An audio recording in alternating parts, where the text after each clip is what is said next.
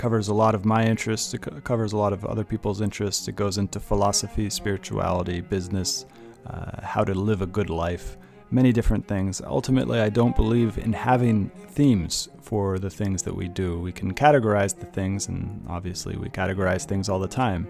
Uh, but I like to keep things open ended, a continuous process of discovering the truth as it is. Uh, and the truth is tricky because we can't really get to the truth uh, exactly because the truth is nonlinear. It is, in the words of John Vervaeke, combinatorially explosive. Uh, even the truth of this window that I'm looking at, the window itself, the glass that makes up the window is combinatorially explosive. The cup that holds your water is combinatorially explosive. You cannot model that cup totally in your head. You're only getting an image of it in with your eyes and your brain. That's not the actual cup itself. Uh, so this this show is a discovery of truth wherever it may appear by talking to people from various different fields. I've talked to artists, engineers, entrepreneurs, investors, uh, refugees. I've, I've just talking to anybody who has a glimpse into the truth. Uh, and through this conversation, through this mutual inquiry into what is true, what is real, hopefully we get to something that is helpful for to you. Now, we are in a time of crisis right now, uh, but it is in those times of crisis that we find our strength. And so, this show hopefully will help you to find the strength that is resting, that is deep inside of you, that is part of your birthright as a human being, uh, and find that strength so that you can get through these difficult times. Also, I want to let you know that I'm offering breathwork sessions uh, every day. I've got seven sessions a day. Uh, and really excited to bring this to people. People have been really enjoying it, and it has brought strength to people and courage. and And that's my that's my goal is to help you find the courage to uh, not only survive but to thrive in the next couple years, maybe because this virus is not going away. Um, it, it, usually viruses come in waves. Uh, so this is the first wave, it will go away, and then it might come back. I'm not saying that I know for sure it will come back, but we are in this for the long haul. So this is a uh, marathon, not a sprint, uh, and I want to do everything I can to help you not only survive, but to thrive. Uh, so if you are interested in that, please find me on Twitter at Stuart Alsop III. My DMs are open. I'd love to hear about what you think about this show. Uh, also, it'd be very, very kind of you to both subscribe to the show on Spotify, Stitcher, uh, iTunes, many of the major pot plat- platforms. And if you're really feeling generous, go ahead and give a review on iTunes. So join me for the breath work. Just send me a message on Twitter at Stuart Alsop III with your email, and I'll add you to the email list where I'm sending out emails for the schedule. Uh, hopefully, see you there. Have a great day. Welcome to the Crazy Wisdom Podcast. My guest today is Michael Hawaii. He is the founder of OceanBit, and I've known Michael since uh, 2011. I think we both went to Brazil to study at a university called PUC. Um, and uh, welcome to the show, Michael. Thank you for having me, Stuart. Excited to talk with you. Uh, so let's first go into Brazil a little bit. Um, uh, what drew you to Brazil? So I had I had known and had a number of family friends that were from Brazil that I got to meet kind of throughout my teenage years. And, you know, I being from Honolulu, Hawaii, uh, I had always wanted to go study abroad and do something, but, um, you know, I was not planning to go to somewhere too cold uh, nor too different. Um, and so when the opportunity came up to go to a school that was kind of as prestigious as PUC, um, and to go to literally one of the most beautiful cities in the world, arguably the most beautiful city in the world. I'm biased towards Honolulu, but Rio is my number two. I uh, I couldn't, you know, it, it was really like the perfect, um, the kind of the perfect mix of a beautiful place, a great education, and uh, adventure. And I think you know, like we've all kind of I think everyone in the world kind of fantasizes a little bit about Rio like they do Hawaii. So it was it was kind of a match made in heaven. Yep. And it's so interesting because for me, San Francisco was the most where I'm from, where I was born, the, is the most beautiful city. That's what, or it is one of the most beautiful cities now. Now it is less beautiful, but uh, uh, but same with Rio. Same with Rio, and and so then Rio was, as you say, this place where it mixes the urban with the natural in this way that's just like magical. Um, and I can't remember all the nights that I went out for beers at 10 p.m. and somehow managed the the sunrise uh, in Rio without even thinking about it. There's like a time warp there. Um, and uh, is Honolulu the same thing? Is that the same type of vibe? Yeah, I think Honolulu is a lot, probably a lot less of a party type city, like where it's going to be less likely that you're going to stay up and see the sunrise. But even like just looking out, right? I, I live kind of uh, without fully doxing myself, kind of in like the downtown area of Honolulu. And um, there's you know all of these like apartment and uh sky you know not skyscrapers but tall buildings right and really throughout if i look outside of my window i can see it, it feels like there's forest all around it and i'll shoot you a photo of it while we're going back and forth but it's that mix of urban and nature and especially here you know like real water uh, as well and it's it's pretty incredible and yeah the two are very similar in a lot of ways and that relates to the the company that you just mentioned that you're going to work on. Um, can you talk more about that? Yeah, so OceanBit um, is uh, is a company that was uh, the, the idea for this was really started actually like four or five years ago by uh, Nathaniel Harmon, uh, Nate Harmon, who is uh, you know going to be who I'm going to join as a co-founder in Endeavor, and um, he you know there's this technology out there called OTEC, Ocean Thermal Energy Conversion. And in, in short, what you do is you pull down water that's very deep and cold, and you mix it with water at the surface level, which is warmer, and you put those two together, and it creates energy. Um, now, the problem with OTEC traditionally, and with a lot of uh, other, like any other very ambitious project, is there's typically a huge amount of capex involved uh, or capex, depending on how you pronounce it, involved in getting these things to a scale where they make sense. Um, nuclear is what is capex? Uh, capital expenditure. So whereas in a pure software business, you have uh, you know operating expenses of paying the engineers and so forth, but you can spin up an Amazon web server uh, very simply uh, in these really hairy kind of engineering focused projects, it, they take billions of dollars to get to the point where you're at scale. Now, the beauty of what's happening within the Bitcoin space and Bitcoin mining specifically is you can monetize energy. Um, you can plug in miners and, and you can mine with either wasted or stranded or uh, various other types of energy. So it reduces a lot of the risk of that investment because while it's maybe not guaranteed the specific amount, you know that you can successfully monetize that energy, whether it be during uh, smaller phases that may not be profitable at that, you know, at a smaller scale. But while you're proving out the technology and getting the scale, you can start to actually capture that energy and turn that into Bitcoin. Um, so we're really, really excited about the idea. It's super hairy, super ambitious. Uh, we can go a little bit deeper into it but um, you know it's using water uh, to drive energy, drive baseload 24/7 on energy, um, and mining Bitcoin uh, within the process there. It's so interesting. I, um, okay, there's there's so many places we could go. The the seasteading aspect is the one that's the most interesting. Uh, for those listeners who don't know, seasteading is the idea that governments are getting a little crazy uh, and so that there might be a really, really beautiful opportunity to create some sort of new state that is no longer attached to the traditional state. Um, and this is very powerful. There was a company that tried to do it uh, called Blueseed.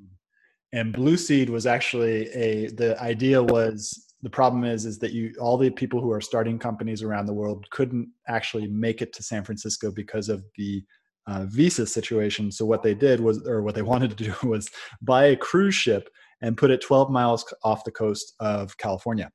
Uh, in international waters and start a seasteading type of situation. Uh, it did not work out because, as you as you've mentioned, is very very capital intensive.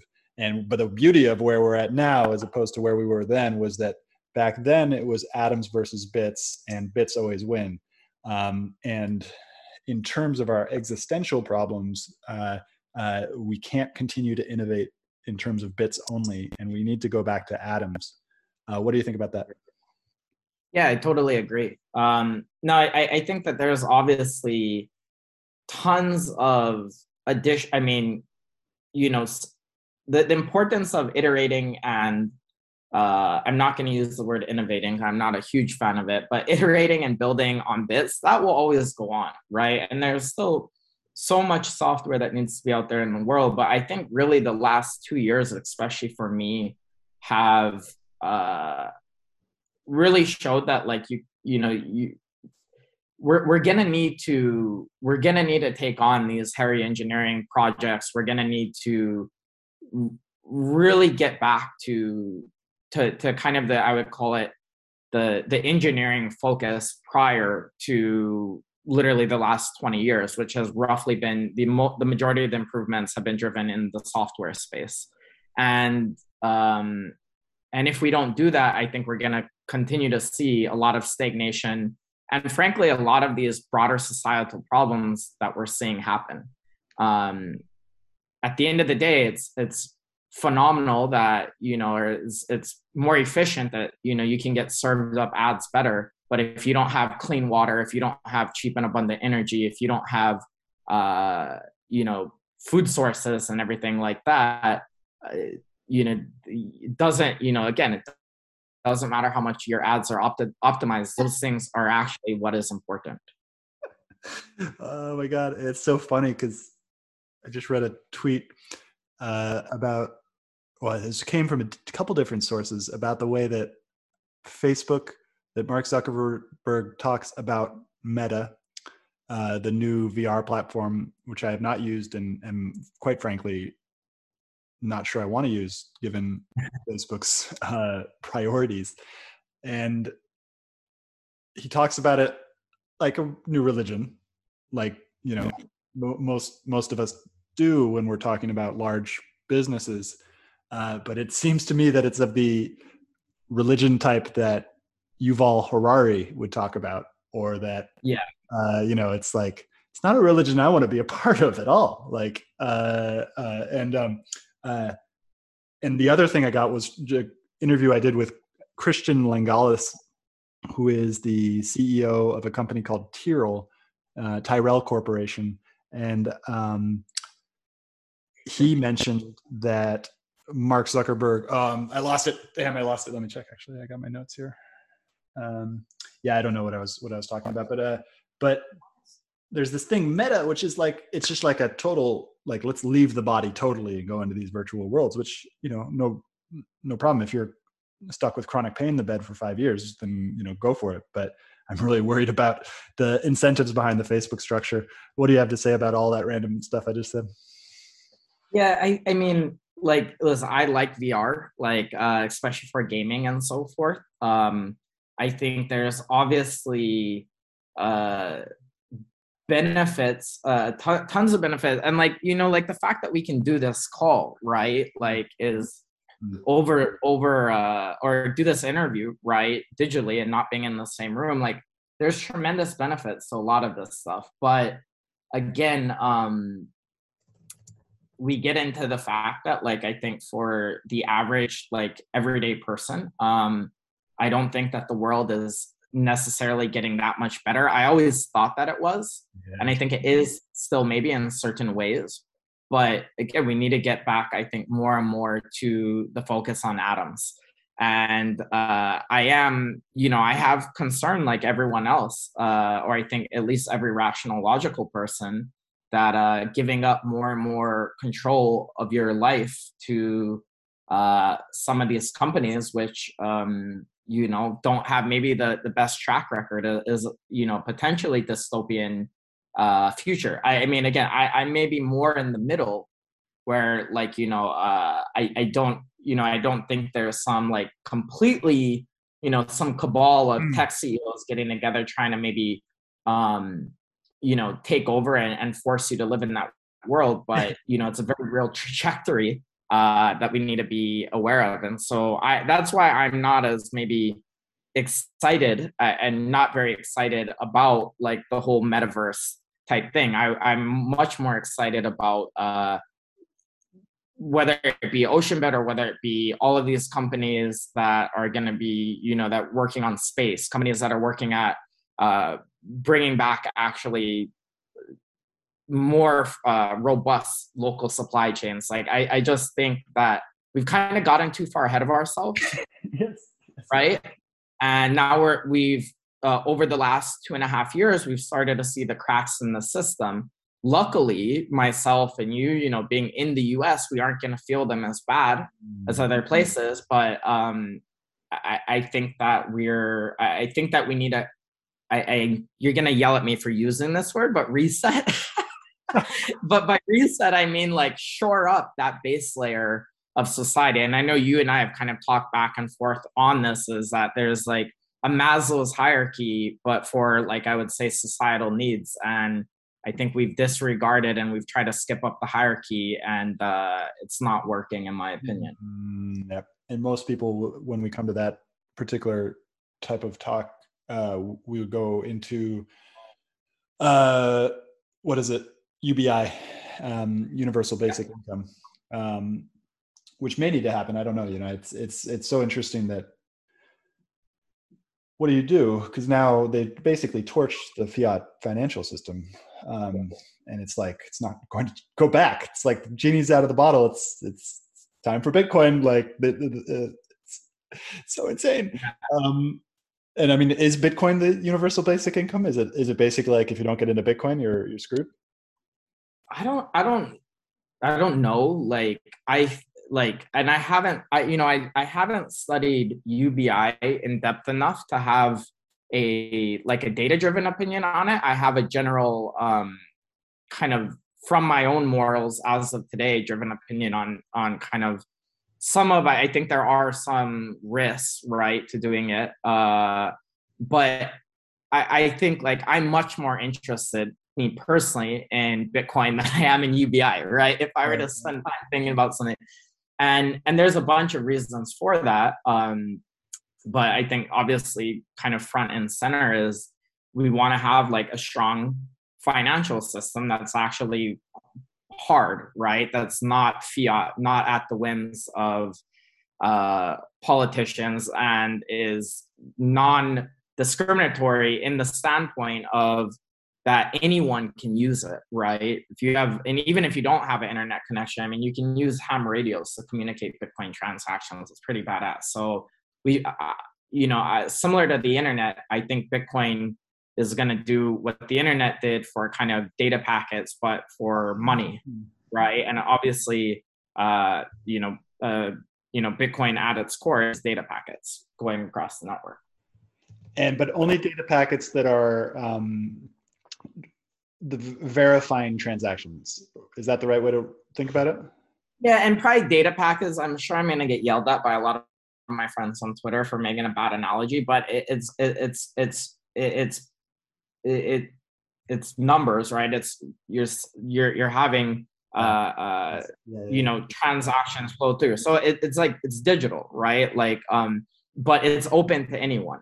So if if you have you know an address, especially if you get into like running nodes and so forth, like you can connect in anyone can connect in a financial system and if you aren't going through custodians right no matter where you're from where you're located where you're based at you can connect into this network and get access to what i believe will be the world's financial system in 10 to 20 years or the base layer of it Yeah.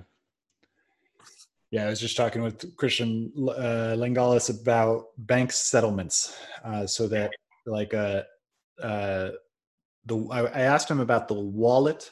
What is the difference between a Bitcoin wallet and a um, bank? And we talked about settlements from the bank's point of view. Uh, when you use your credit card, you aren't that's not a bank settlement. That's just like a settle. That's like a, a layer two, basically, uh, on on top of that, those bank settlements, which are the which are the the that the current financial system. And so we've got Bitcoin coming up, and I've learned a lot from you specifically about Bitcoin. And you've been to Venezuela, and I would like to understand what year did you go to Venezuela? I was there in 2018 uh, for about a little bit more than a month. Interesting. And what did you know? I mean, that's a little bit early for the listeners. They don't, they might not know that Venezuela seems to be in the 2020, 2020, 2021 that they've highly picked up usage of at least stable coins and probably a lot of them on Bitcoin. Was that accurate when you went there? No. So when I went there, um, there was there was not a uh, like a large pen at least what i observed there was not um, a super large penetration um, but uh, and again people are gonna i think there's counterpoints to that too like um, but it really like stablecoin usage and, and usage of bitcoin and so forth has i think uh, ratcheted up uh, a lot um, over the the the past couple years but i mean at least when i was there like i mean it was still really the country was in really really bad shape um but i think you know when you're when you're having those levels of inflation right uh they compound so quickly right if you're looking at you know 100 thousand, ten thousand percent, you know, inflation depending on the time period that you're looking at. Um, at, at a certain point you just get forced into using that type of stuff. You have no other choice. Um, so it, it, it, it, there were there obviously a lot of people um, a lot of especially those that were technically proficient or that had gotten into bitcoin earlier. There's a number of people on twitter um, uh, that you know are venezuelan that have been in bitcoin for a number of years. Um, a lot of those people did get out though from the country. Uh, you know, luckily. Um, but I think now we're at a point where Bitcoin has really kind of crossed into the crossed the chasm, and it's now a global phenomenon. Where in 2018, I would argue that it was still, you know, we were still kind of in inning one, and I think we're now in inning two hmm. uh, of Bitcoin. And so, for me personally, I'm, I'm very interested to hear what you think. I think the next four to five years are going to be very abundant uh, and then after that is the key open question for me. So I'm trying to figure out over the next four to five years, and I think you are too, that like, what do I need to set up right now to prepare for the whatever's coming after that? Uh, what do you think? Uh, I would first, I would buy Bitcoin uh, as one thing. And I, and I would custody, you know, and, and I don't like the word custody. So really mm-hmm. quickly on the wallet thing, um, uh, you know, a lot of, so like as you mentioned you have these like base layers of the current financial system you have layer twos which are kind of like banks and you have layer three kind of which is all these fintech apps and so forth right yep. um and but and so within the the bitcoin or crypto space you know if you're using a wallet right that you don't control your keys to right if you don't hold your keys which are that that seed phrase that 12 24 word seed phrase like that's not a wallet that's an account right? That's like similar to an account with the bank it can get frozen at any point. So i always tell people like um you know hodl bitcoin hold your own keys and you should ideally be running your own node as well too to verify incoming transactions. Um so that's like and and i'm assuming that you're talking about on the bitcoin side Stuart, or, or are you just well, talking about more generally in general too because because we were talking yeah. before the show about about you know food and and now I, I just came up with like i'm interested to know in terms of hawaii and maybe even like oysters if you know anybody doing oysters in hawaii. Um, uh, oh they probably are cold water things. Um, but yeah just in terms of of food energy um, all these different things. Well i mean I, energy costs are going to rise. Mm-hmm. food co- and everything else is going to rise downstream of that. Um, I, you know, I even myself, like I live in kind of the downtown area, but I'm looking and planning to do something I think more similar to what you do. Uh, um, you know, and, and having a, a more uh, sovereign type of lifestyle that you do, right? Where you have, uh, you know, you're you're you aren't dependent on just the supermarket to get what you. Um, and I think there's a lot of like, you know, not everyone needs to have. Well, I do want to see more what I would call like decentralized farming, meaning that like more localized farming, uh, more, of course, in Hawaii, we need to get back to much higher levels of food production and much less imports and, and reliance there. I think there's a lot of stuff that people can do, like as of today, that that make a huge difference, and not just on your actual ability, right? If shit does really hit the fan, but also just on like your your like mental, yes. uh, like stress levels. Yeah. So, for example a very simple thing that you can do is have like backup water and have backup food. And you can even just go and buy. There, there's like a, company um, called Food Labs, and they do these things called SOS rations, mm. right? Mm-hmm. And uh, you know, for you know a, mm. a, couple hundred bucks, you can get you know a, a, month or two of food supply, and the bars are delicious. They taste like shortbread cookies. Maybe not the healthiest thing for you, yeah you can you need energy yeah, yeah yeah when you're when you're in that situation you'll need you'll just need energy um doesn't matter what form it's in and you, you can learn how to preserve it as well and i agree with you that it's not it's not you don't want to think about six months because six months is is like by that time probably things will have stabilized in some way but for me personally what i learned in initial march 2020 when i was extremely scared of the virus uh, go off into the woods like it's time to get ready because this is this is happening uh, I just learned that like there's if it's happening, like uh, there's a certain amount of surrender. Uh, and the key thing I learned most recently from uh, one of my uh, new, how should I say, role models, um, a guy who is a nomad gorilla goat herder or sheep herder. Sorry, sheep herder.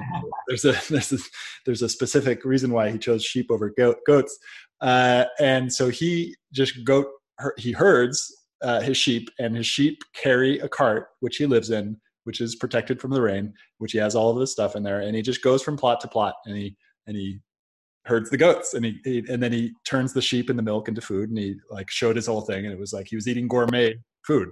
Um, yeah. and uh, and and the sheep. The reason why I chose sheep over goats is because sheep provide a, a significant more amount of ca- uh, calories through milk. Um, yeah.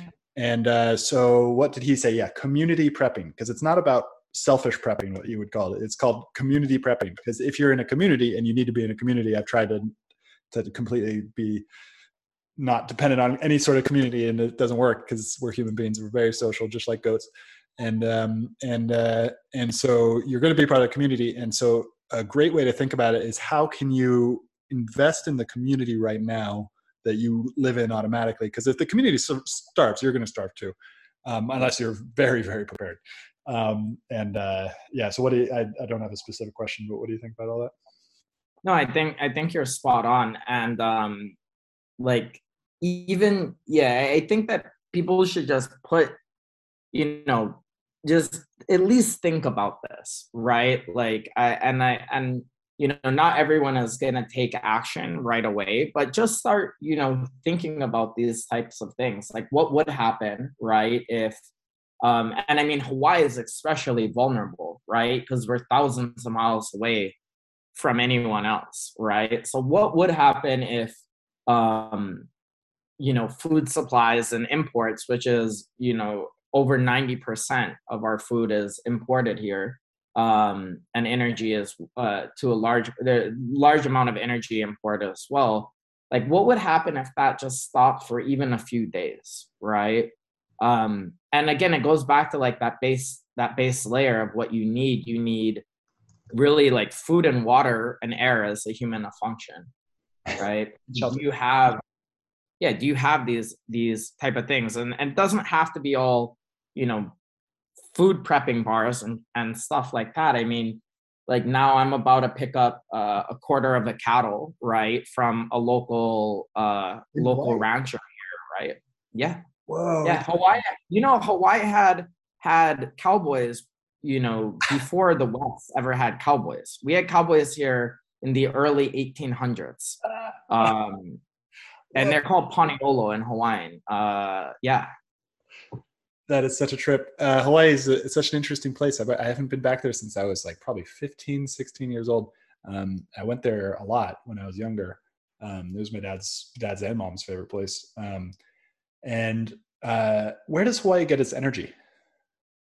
It's a mix. It's a mix, and we do have, you know, I, I, I and I would need to look at the graph against the other states, but because we have ample sun here, right? Uh, year round, like we we have solar, we have wind, but um, we have you know a ton of imported oil and gas, right? Um, from the mainland, and I would need to pull up. I can pull up the number while we're here, the the the, the latest numbers, but uh, it's um you know again like if you were to if something were to happen worst case scenario were to happen uh, we would not have sufficient energy um, to to last for very long whatsoever. So we are four fifths of our energy consumption is still uh, petroleum. Uh, we're approaching 20% solar oh, and the rest is wind. There's some geothermal. There's, um, but yeah, I mean, we're still highly, highly dependent. And the food numbers are even higher than that, right? The food numbers of, are, are going to be 90% plus imported. That is fascinating. And what do you think about how long does this is a random question? You don't. Uh, no, no. Do you think it'll it takes to get from Hawaii to San Francisco by boat?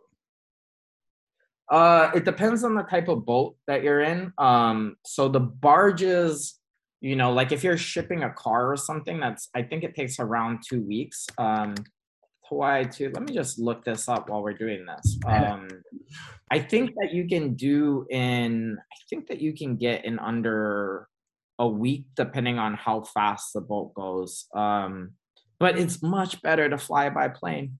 It's 2200 miles, like um, 2500 nautical to SF. Wow. And and so because I've I've thought about it, you know, because in the 2020 when I was thinking about going to Brazil, I was like, what happens if I can't get back on airplanes? Uh, and uh, I was, and so I started looking into boats, and it would take a long time. Um, but it's so interesting because I would love to see the rise of boating because you're right that it's way easier and and uh, definitely probably more cost effective unless you slum it and hitch a ride on a on a barge, which I might do. Um, but but then you lose the internet, which actually might be a great thing as well. Um, yep but I love the idea of traveling in boats, though it also scares me, just like airplanes do. Trains are the only only thing that I really just love doing because um, it's just so beautiful. I love the trains, and I hope trains come back in some sort of way as well. We should put a we should put a a, a, a kind of to do on our on our next shared travel list because it's been I mean it's been what twelve years since we were in Brazil together. Maybe we we'll have Ooh. to put a this decade a boat trip from Hawaii to on or vice versa. Well, did I did I ever tell you uh, the plan that I had for the Olympics in related to Rio de Janeiro? No, hit me. Uh, so I was uh, me and no, it wasn't Felipe. I think this actually pissed off Felipe. Felipe is my former co-founder uh, of the of a startup that I did, uh, who Michael also knows, and um, I started to look into before the 2016 Olympics and World Cup. I think they were both at the same time. I was I was trying to think of because the the tourism industry in Rio for the hotels like it just couldn't handle the type of capacity. So my plan was to uh, re- uh, rent a cruise liner and bring. I remember it. This. Yeah, yeah. Keep going. Keep going. I remember this. So uh, uh, bring the cruise liner to Rio de Janeiro, park it out the boat outside the outside the city, and sh- uh, ship people from from there to the. I am so glad I did not do it because I would have been completely unprepared. And the boat, the actual boat we found was from Helsinki to St. Petersburg. It's it does it in 24 hours. It's just like a whole bunch of people for one night. Um, and uh, so, but it was offered to us by a shipping magnate who had a Greek shady shipping magnate we called him Pete, Pete the Greek, uh, who uh, who was totally going to try to rip us off, um, and uh, and uh, and so um, so I'm very glad that that did not work out.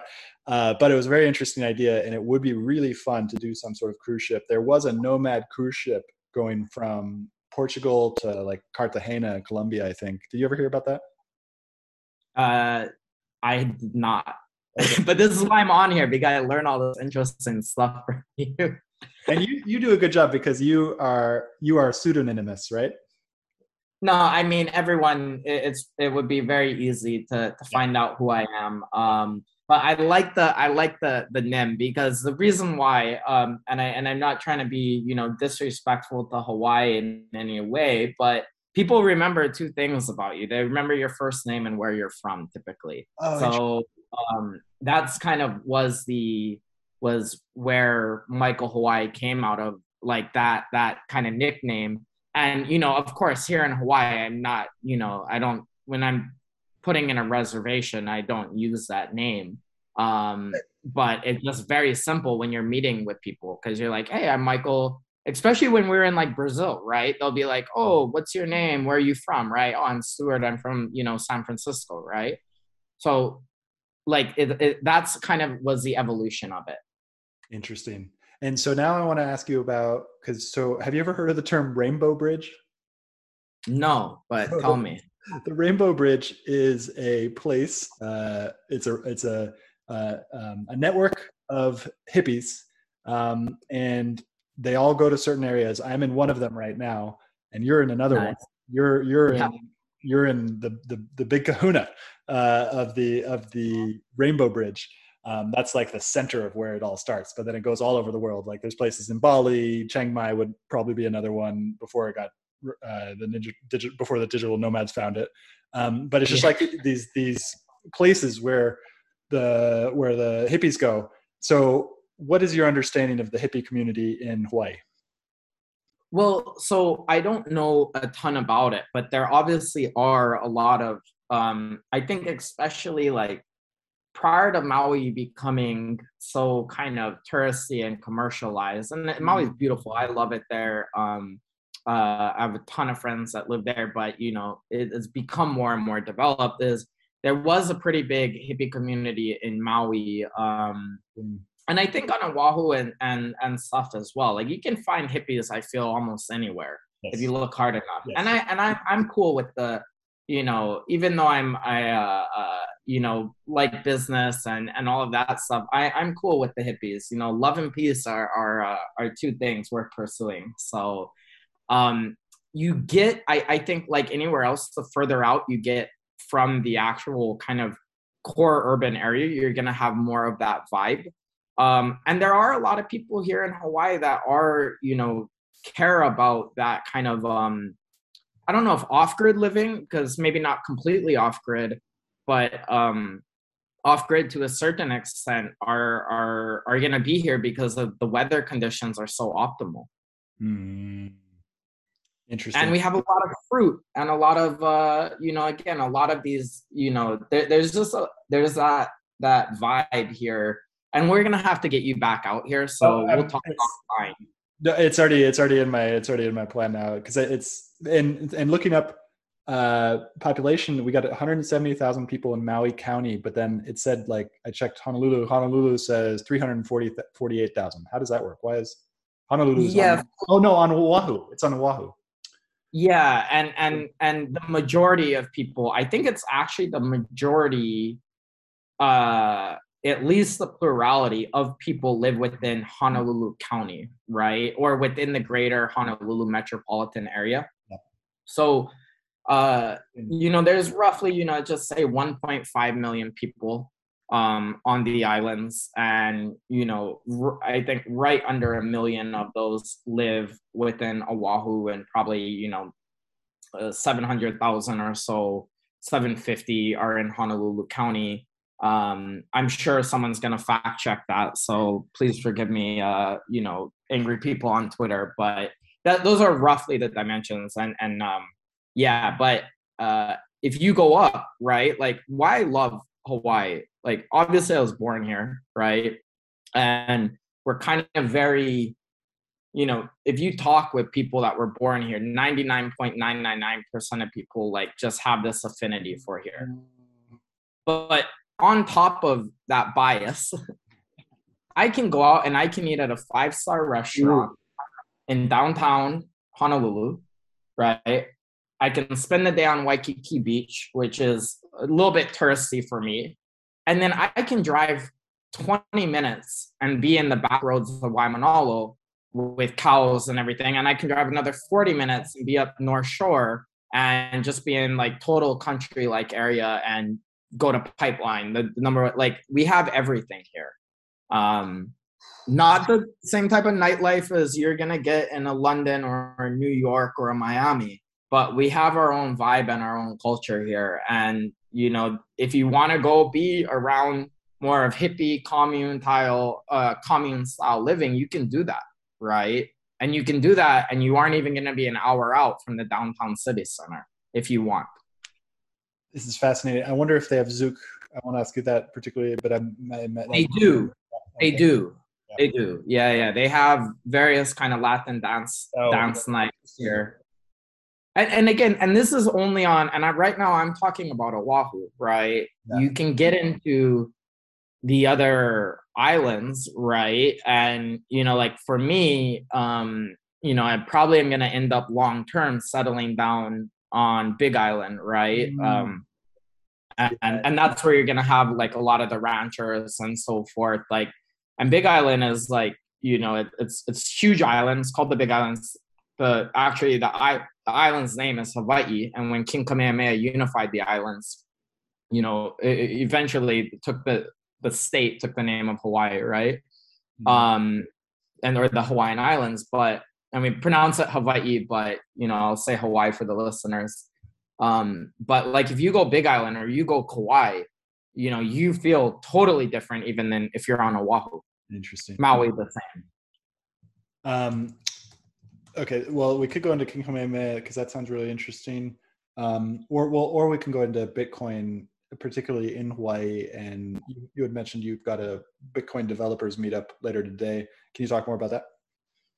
Yeah. So um, the the genesis of kind of like the the bit devs. So there's a couple different type of of like Bitcoin meetups that people can put on or go on. And I highly recommend like anyone listening. I know, you know, Bitcoin Twitter can be a little bit of a of uh, you know, a meme meme war and flame war at times, which, you know, has its purposes, but I've never met a community like a, a technically kind of focused community that when meeting with people in person felt more genuine and, and real and accepting than like the Bitcoin you know communities are. So there's bitcoin meetups which are meetups around bars and so forth and then there's another track of meetups called bitcoin bit devs meetups. Uh, i believe they're actually started out of new york and there's ones in sf austin all around. And they focus a little bit more on the technical side. Now we don't have the the same uh, density of bitcoin engineers that are working on Bitcoin or experimenting with Bitcoin here in, in Honolulu and Hawaii as a whole.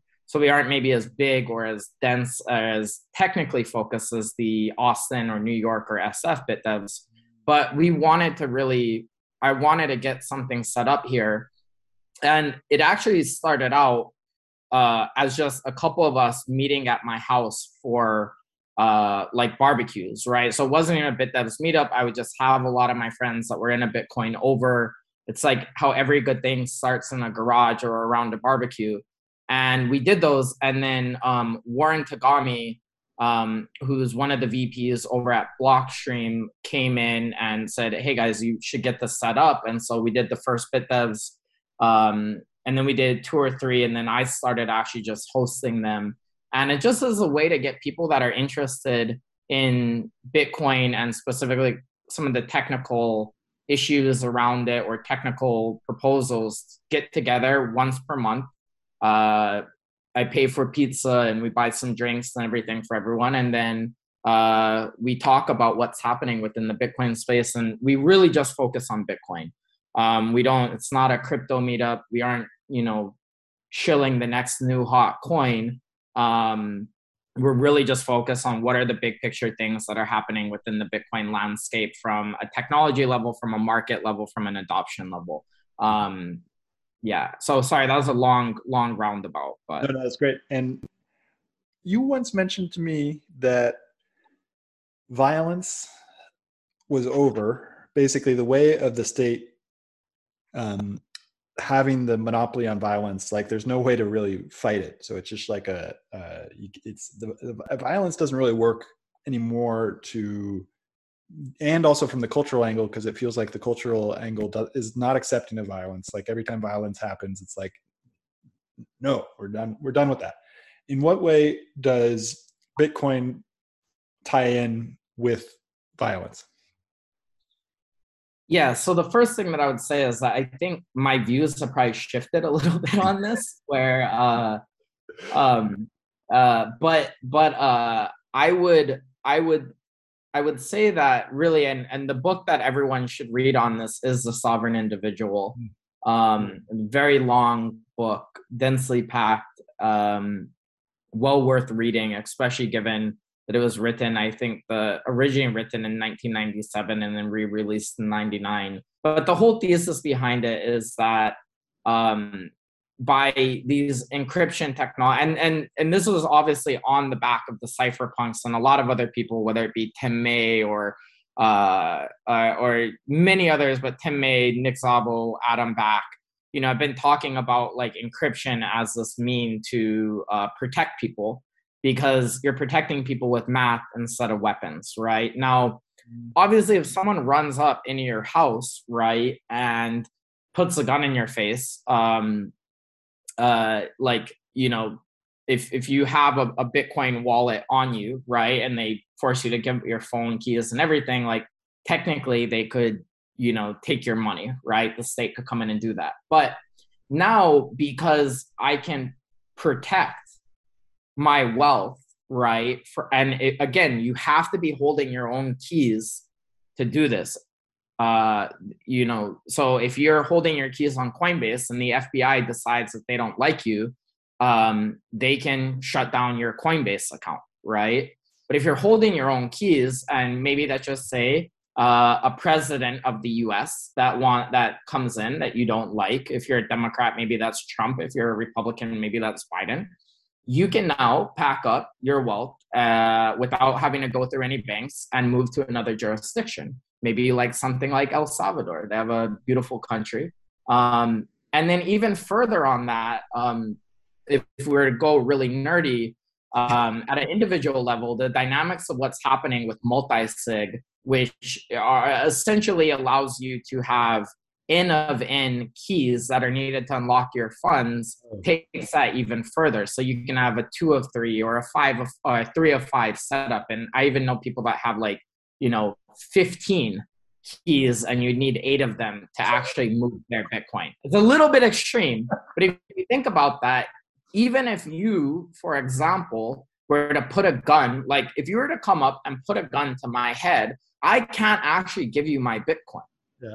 like i don't i i don't have my signing key uh with me um and i you know the other you know are they're spread across jurisdictions right? So like yeah it's, it's not you know and then you can obviously keep smaller amounts on wallets but I, I think we're starting to see just like this total shift and transformation in the level of security that's being provided um, to people or at least potential security at a minimum to people by the use of bitcoin at the first line actually being able to hold their own funds and not have them subject to the whims of a financial system that is highly corrupt.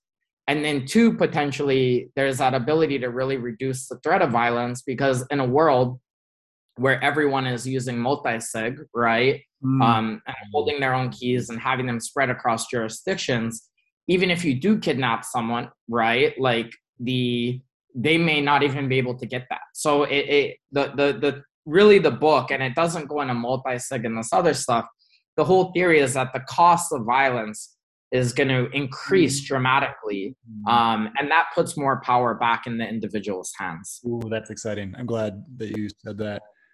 And, and, both of us have had experience being in countries you actually probably more so in venezuela of, of places where kidnappings are rife uh, particularly of rich people and this is why it's going to be very hard for me to get any sort of uh, wealthy mexicans Brazilians don't seem to have the same issue.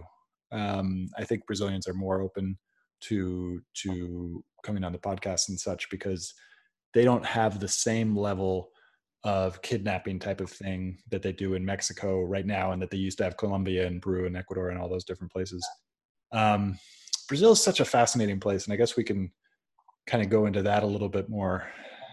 Um, yeah, I would. Lo- I would love to hear. I mean, your recent experiences because yes. I haven't been there.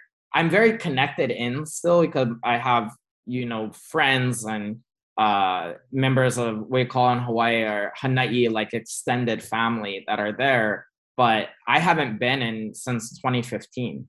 Uh, so I would I would love to hear your kind of recent thoughts and maybe how it's changed since we were there in college and after.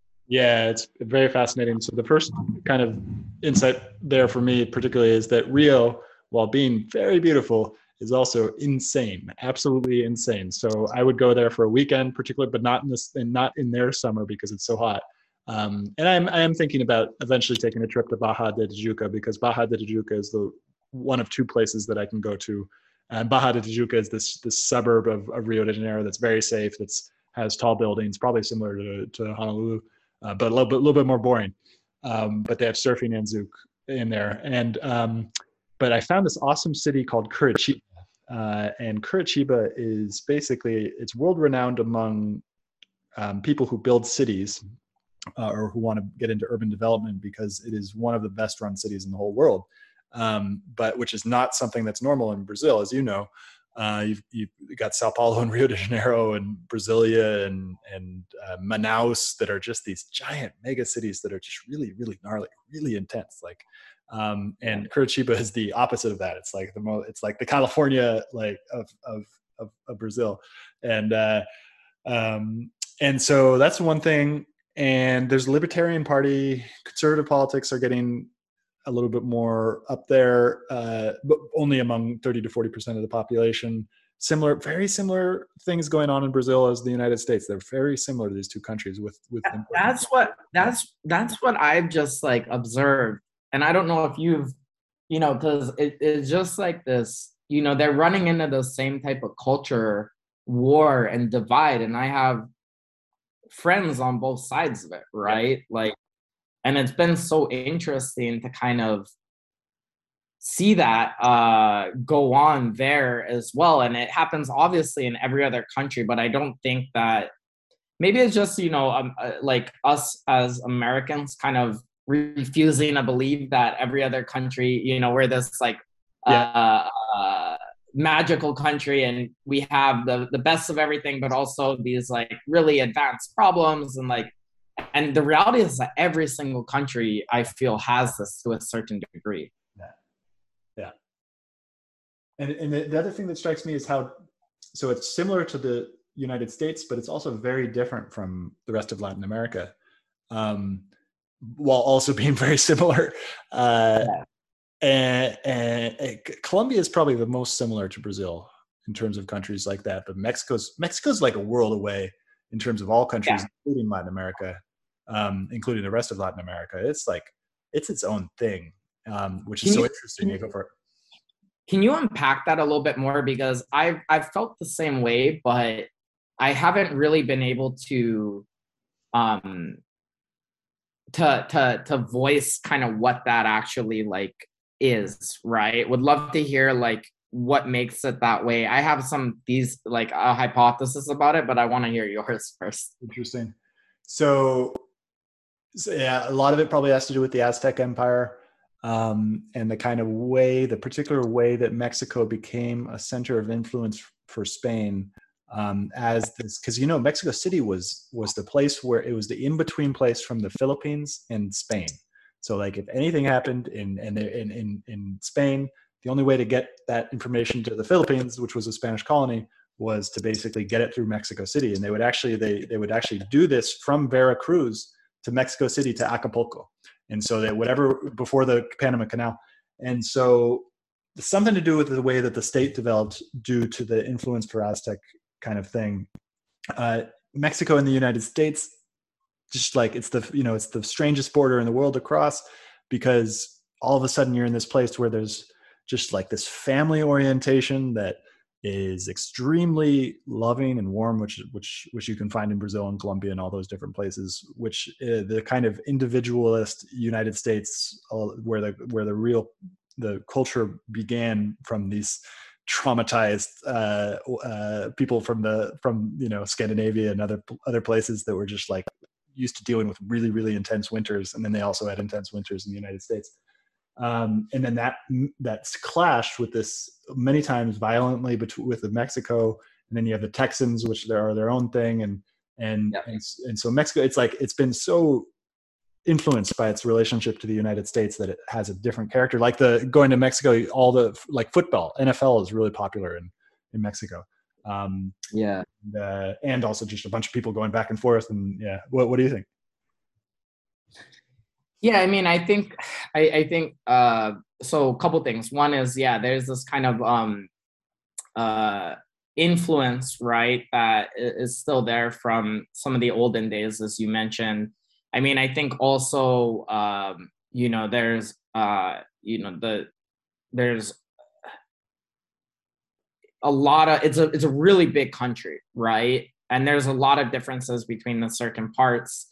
Um, and there's also, I think, the the cartels hold yes um, via the government, right? Like obviously, there's some degree of uh, uh, cahoots within there. Um, yes. There's they hold a lot more power. I mean, and it's kind of similar. It's very different from Brazil, but if you think about mm-hmm. it, right, like that in Brazil, you would have like you know the the various gangs run the different you know favelas, but it was kind of limited to that, and it's there's not that there are obviously slums and everything in Mexico, but it's, it's not a narco state. Yeah, yeah, but it's much more plaza driven, right? Within yeah, Mexico, yeah, yeah. where they're controlling the entire plaza, which would be a territory or even the full state. Um, mm. I think the, the, border with the US makes it interesting because of, of how many Mexican Americans we have within the US. And, you know, my, you know, out of my group of, let's just say, you know, five best friends, in the mm. in the world, right? Yeah. Three of them are of Mexican descent, right? Um, yeah. So it, it it is this this like, and Mexico just has this like, and I, I'm sure Colombia and obviously Argentina has every country has kind of their own culture, but Mexico just has this very very strong culture. Like my two favorite types of weddings: Indian weddings and Mexican weddings. Period. Like those are the two funnest to be at, bar none.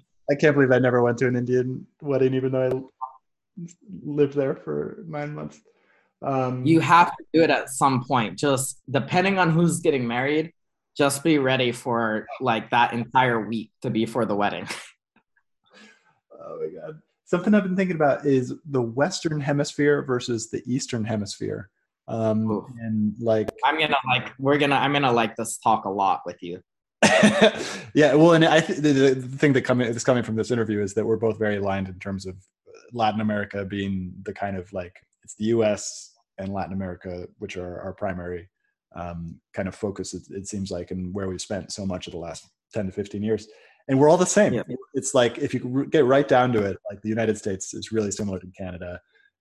We're also really similar to uh, Mexico and Brazil. Although there's a huge cultural divide between those two places. We're all this part of like this experiment that happened where it was just a bunch of people from all over the world were just shipped here, uh, and then yeah, uh, and then had you know uh, uh, uh, both slaughtering and raping in terms of, of of those things actually happened. Like of I'm not saying yeah. you, you, know what I'm saying, but uh, no, no, yeah, yeah, no, totally. I mean, it, it's you had you know this kind of native culture, and then you had the European real influence come in, right, and then take over it and kind of mix to a certain degree. Uh, obviously, it was a one-way power dynamic for the majority of the time, um, but vast majority of the time. But it, it is quite interesting, and I'm really bullish, like on the Western Hemisphere as a whole, and I wish that yep. uh, we would focus more on that. And and there's a couple reasons. You know, I was talking with the co-founder of a company that I was, you know, looking to um to join a, you know, and this we had a talk about a month ago on this. And, you know, he was um, you know, I, I made my case some point is one is you have a shared value system, right? To a certain degree, it's not completely shared. But if you look at the Western Hemisphere, for the most part, it's a mix of kind of Judeo Christian values, right? I'm not saying that everyone has to do that, or I'm not even making a moral judgment on that. Um, but it's a mix of these kind of values, and you have also like property rights and other stuff baked in, mm-hmm. right? Like that come from that stem from. Yep. Uh, uh, it's different, right, than if you were to maybe go to a country like China, for example, mm-hmm. right? There's different concepts. The other thing is that you also, I think, generally speaking, although it's not everywhere, at least in the West, um, it is, I believe that there's kind of this shared sense of that we can win together. Again, obviously, yeah. there are tons of exceptions to this rule. But even like when I talk with my my, cause I was working, um, my one of my best friends is an Indian guy who runs a company that I was at prior to doing what I'm doing now, and um, even if you if you talk with my Indian friends, like even that sense in India has changed dramatically, where it's much more a win-win culture. I don't know if that has to do with Interesting. tech being not zero sum, but there, there's that kind of thing there where I think you do have some people that are obviously trying to cheat to get ahead and and screw other people over, but generally speaking, there's this kind of shared sense of we can win together, um, which I don't think is you know a global thing um, and then you have time zones right? So we're all within with the exception of hawaii we're all within a five hour time zone gap right? From california down to buenos aires. And then furthermore on there there's really only three languages. Sorry you know quebecians but that you have english spanish and portuguese right?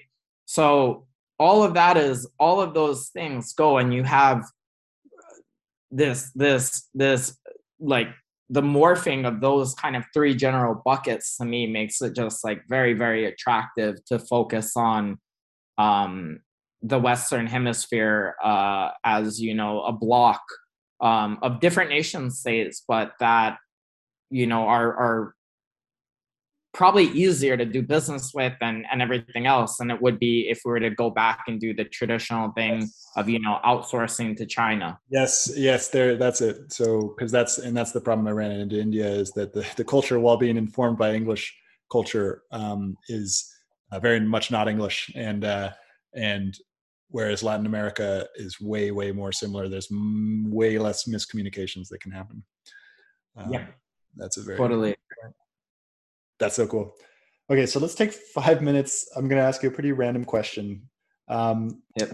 Uh, given who you knew, knew, me in Brazil and you know me here, where whatever whatever I'm doing right now, um, what is the gap between that? And feel free to be as frank as possible. Uh, uh, what is the? How have I changed? Hmm. That's a really great question. So I don't know if I ever told you this. I maybe, but at first I actually didn't like you.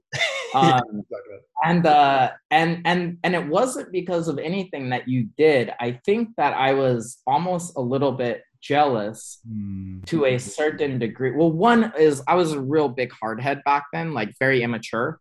Um, I was kind of like you know a little bit like I mean, it, I was 20, right, when I first went there. So the the the T rates were like very high. They're yeah. still good, but they were like very high back then.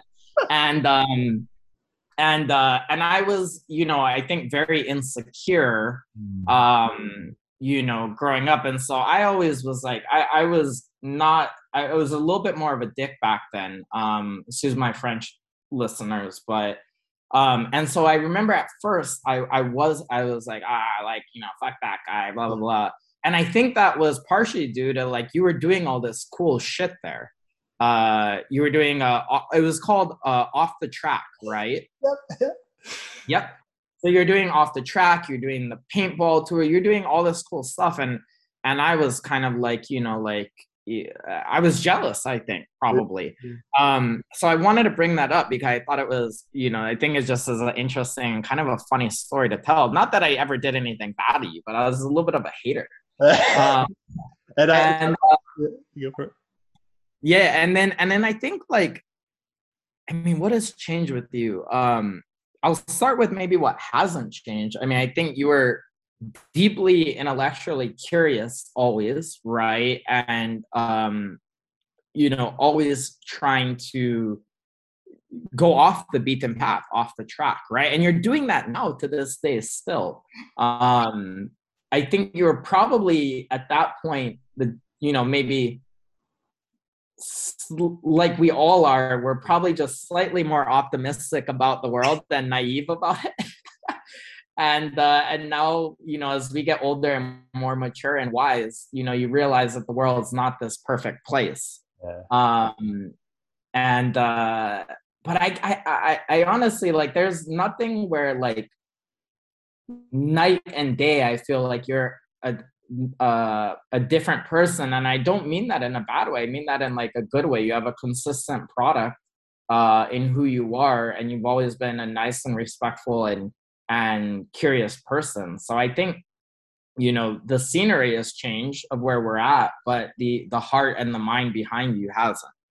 In a and, and i mean that in a positive way. You didn't have a bad you weren't in a bad spot then where i would say i changed probably a lot more um but I was starting at uh, uh, in a worse spot from the standpoint of um, who I probably was as a person and have worked really hard to become better in air quotes in that ways when you didn't have to work as hard. You're in a better spot there probably mentally and spiritually well, than I so I, I want to retort a little bit because I was actually at that time was very interesting because I was doing a lot of interesting stuff, but I was totally ungrounded uh, and very naive.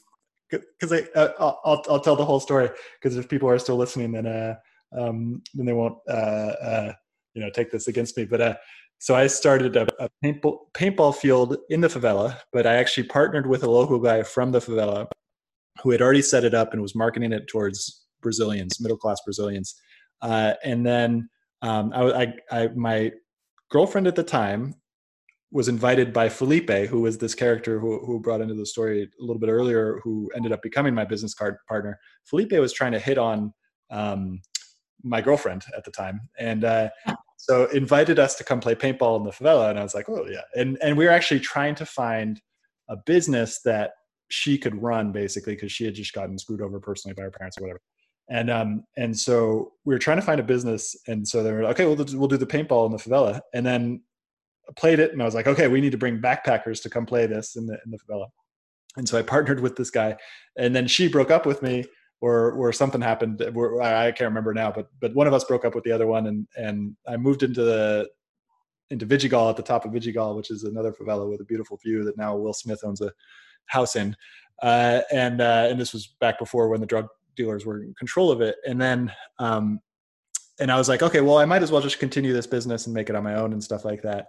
And then huge problems started to arise uh, because it turned out that the local Brazilian guy, uh, his name was Andre, uh, was had been previously involved in in bank robbery, um, and uh, and then uh, and then the new guys because then the, the drug the drug thing changed in Brazil once the once they invite invaded to go for the Olympics they uh, once the police invaded the favelas to to control for the Olympics, then it switched to the Los Angeles style drug trafficking, which is um, you have the police there, but the police can't really stop the flow of drugs, so everything just gets pushed underground. And so those new guys were, that were coming up at that at that time started to say that Andre was a rat, um, and uh, and like saying he's collaborating with the police and stuff like that. I had this phone conversation with him, or no, I had a conversation. I, I was in his small little hut in the favela, basically, uh, listening to this phone conversation. The guy kept on saying, "Xis nove, xis nove," and I was like, "What the fuck does that mean?" That's I don't know what that means. And and um, and then I asked my friend who had originally introduced us, who was an American guy who was studying the favelas, the drug violence in the favelas, and I asked him what xis nove meant, and he's like, "It means rat." Uh, and then once that, I was like, "Okay, I got to get out." And then um, and then I was like, then, there was, then there was like three robberies at that time. So my time that it was really interesting because that was where I am now is directly related to that as well. But it was it was a time where I was drinking a lot. I was I was I was drinking a lot, and and uh, and I'm glad it's that that's not this case anymore. Um, yeah, yeah. I think that I think we all were drinking a lot during that. kind of what kids do in college uh, and around that time. But yeah, I mean, I wish I would have taken a lot more time, partied a lot less, and taken a lot more time to really enjoy everything that the city. And part of that is parting and so forth. But uh, I um I shared the same sentiment there. Now, was Andre able to get out of Dodge? I don't know. I haven't talked with him. We were Facebook friends for a while. I, am probably still Facebook friends. Um, yeah, I don't know. I don't know what happened. Actually, I went back to I went back to Santa Marta, which is the favela uh, just outside of Botafogo, and uh, I went there on Christmas Day, uh, like two years ago now, or will be two years um, in, come this Christmas. And and so I went up there. I was like, oh, I'm gonna go check it out. And of course, I run into a guy with a gun, and the same the same thing applied, where it was just like the police were out on the on the outskirts, but then inside it was just like, and then and then it, it did a total domination thing on me, and I was just like, okay, yes, you are in control. Yeah. Uh, let me let me please leave, sir. Thank you very much. Like, uh, um, and uh, yeah, so I, my my goal was to go go check it out, and uh, but then I was like, I had to turn around. So, um, so uh, yeah, crazy, crazy young naivete.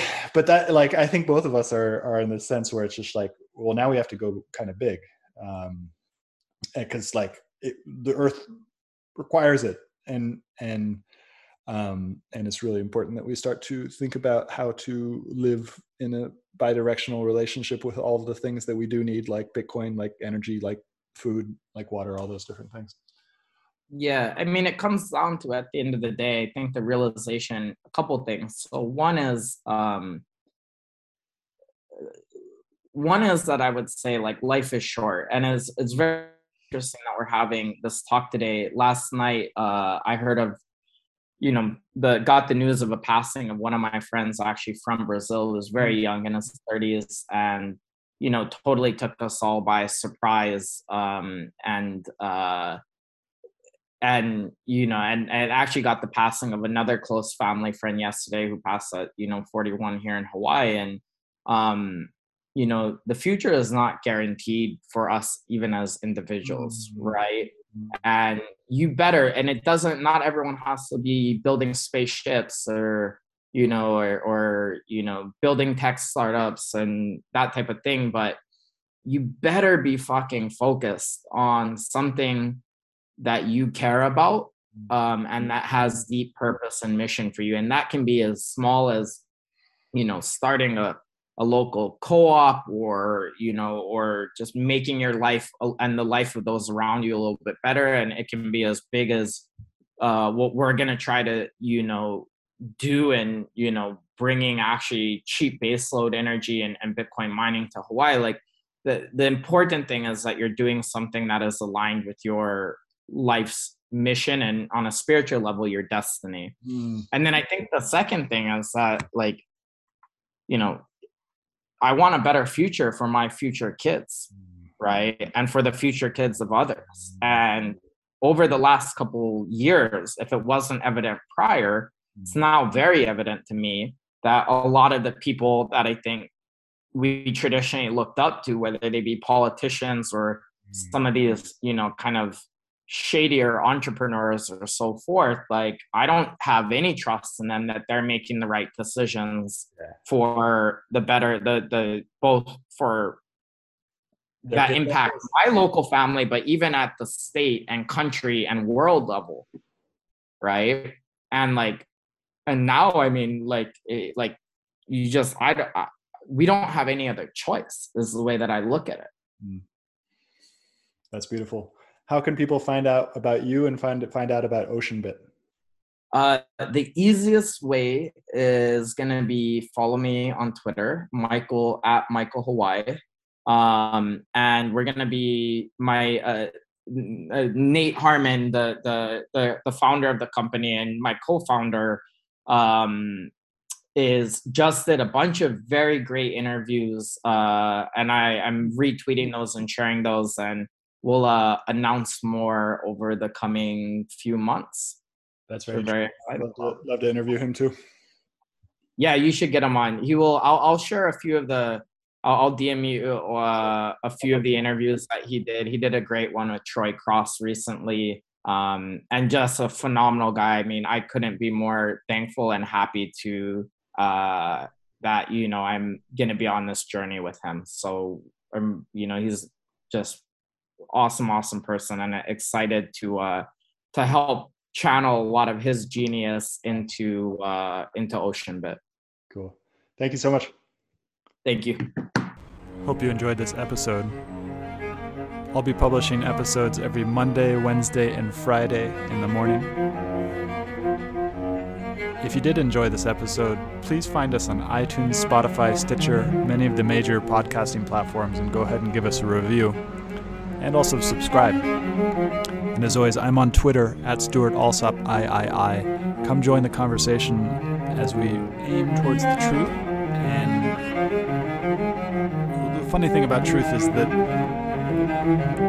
you can't really put it into words because every time you put the truth into words, you create a linear narrative out of something that is nonlinear. The truth is nonlinear. It's not. It's. It's. If you really recognize the truth right now, your mind wouldn't know what to do. It'd be overwhelmed by beauty,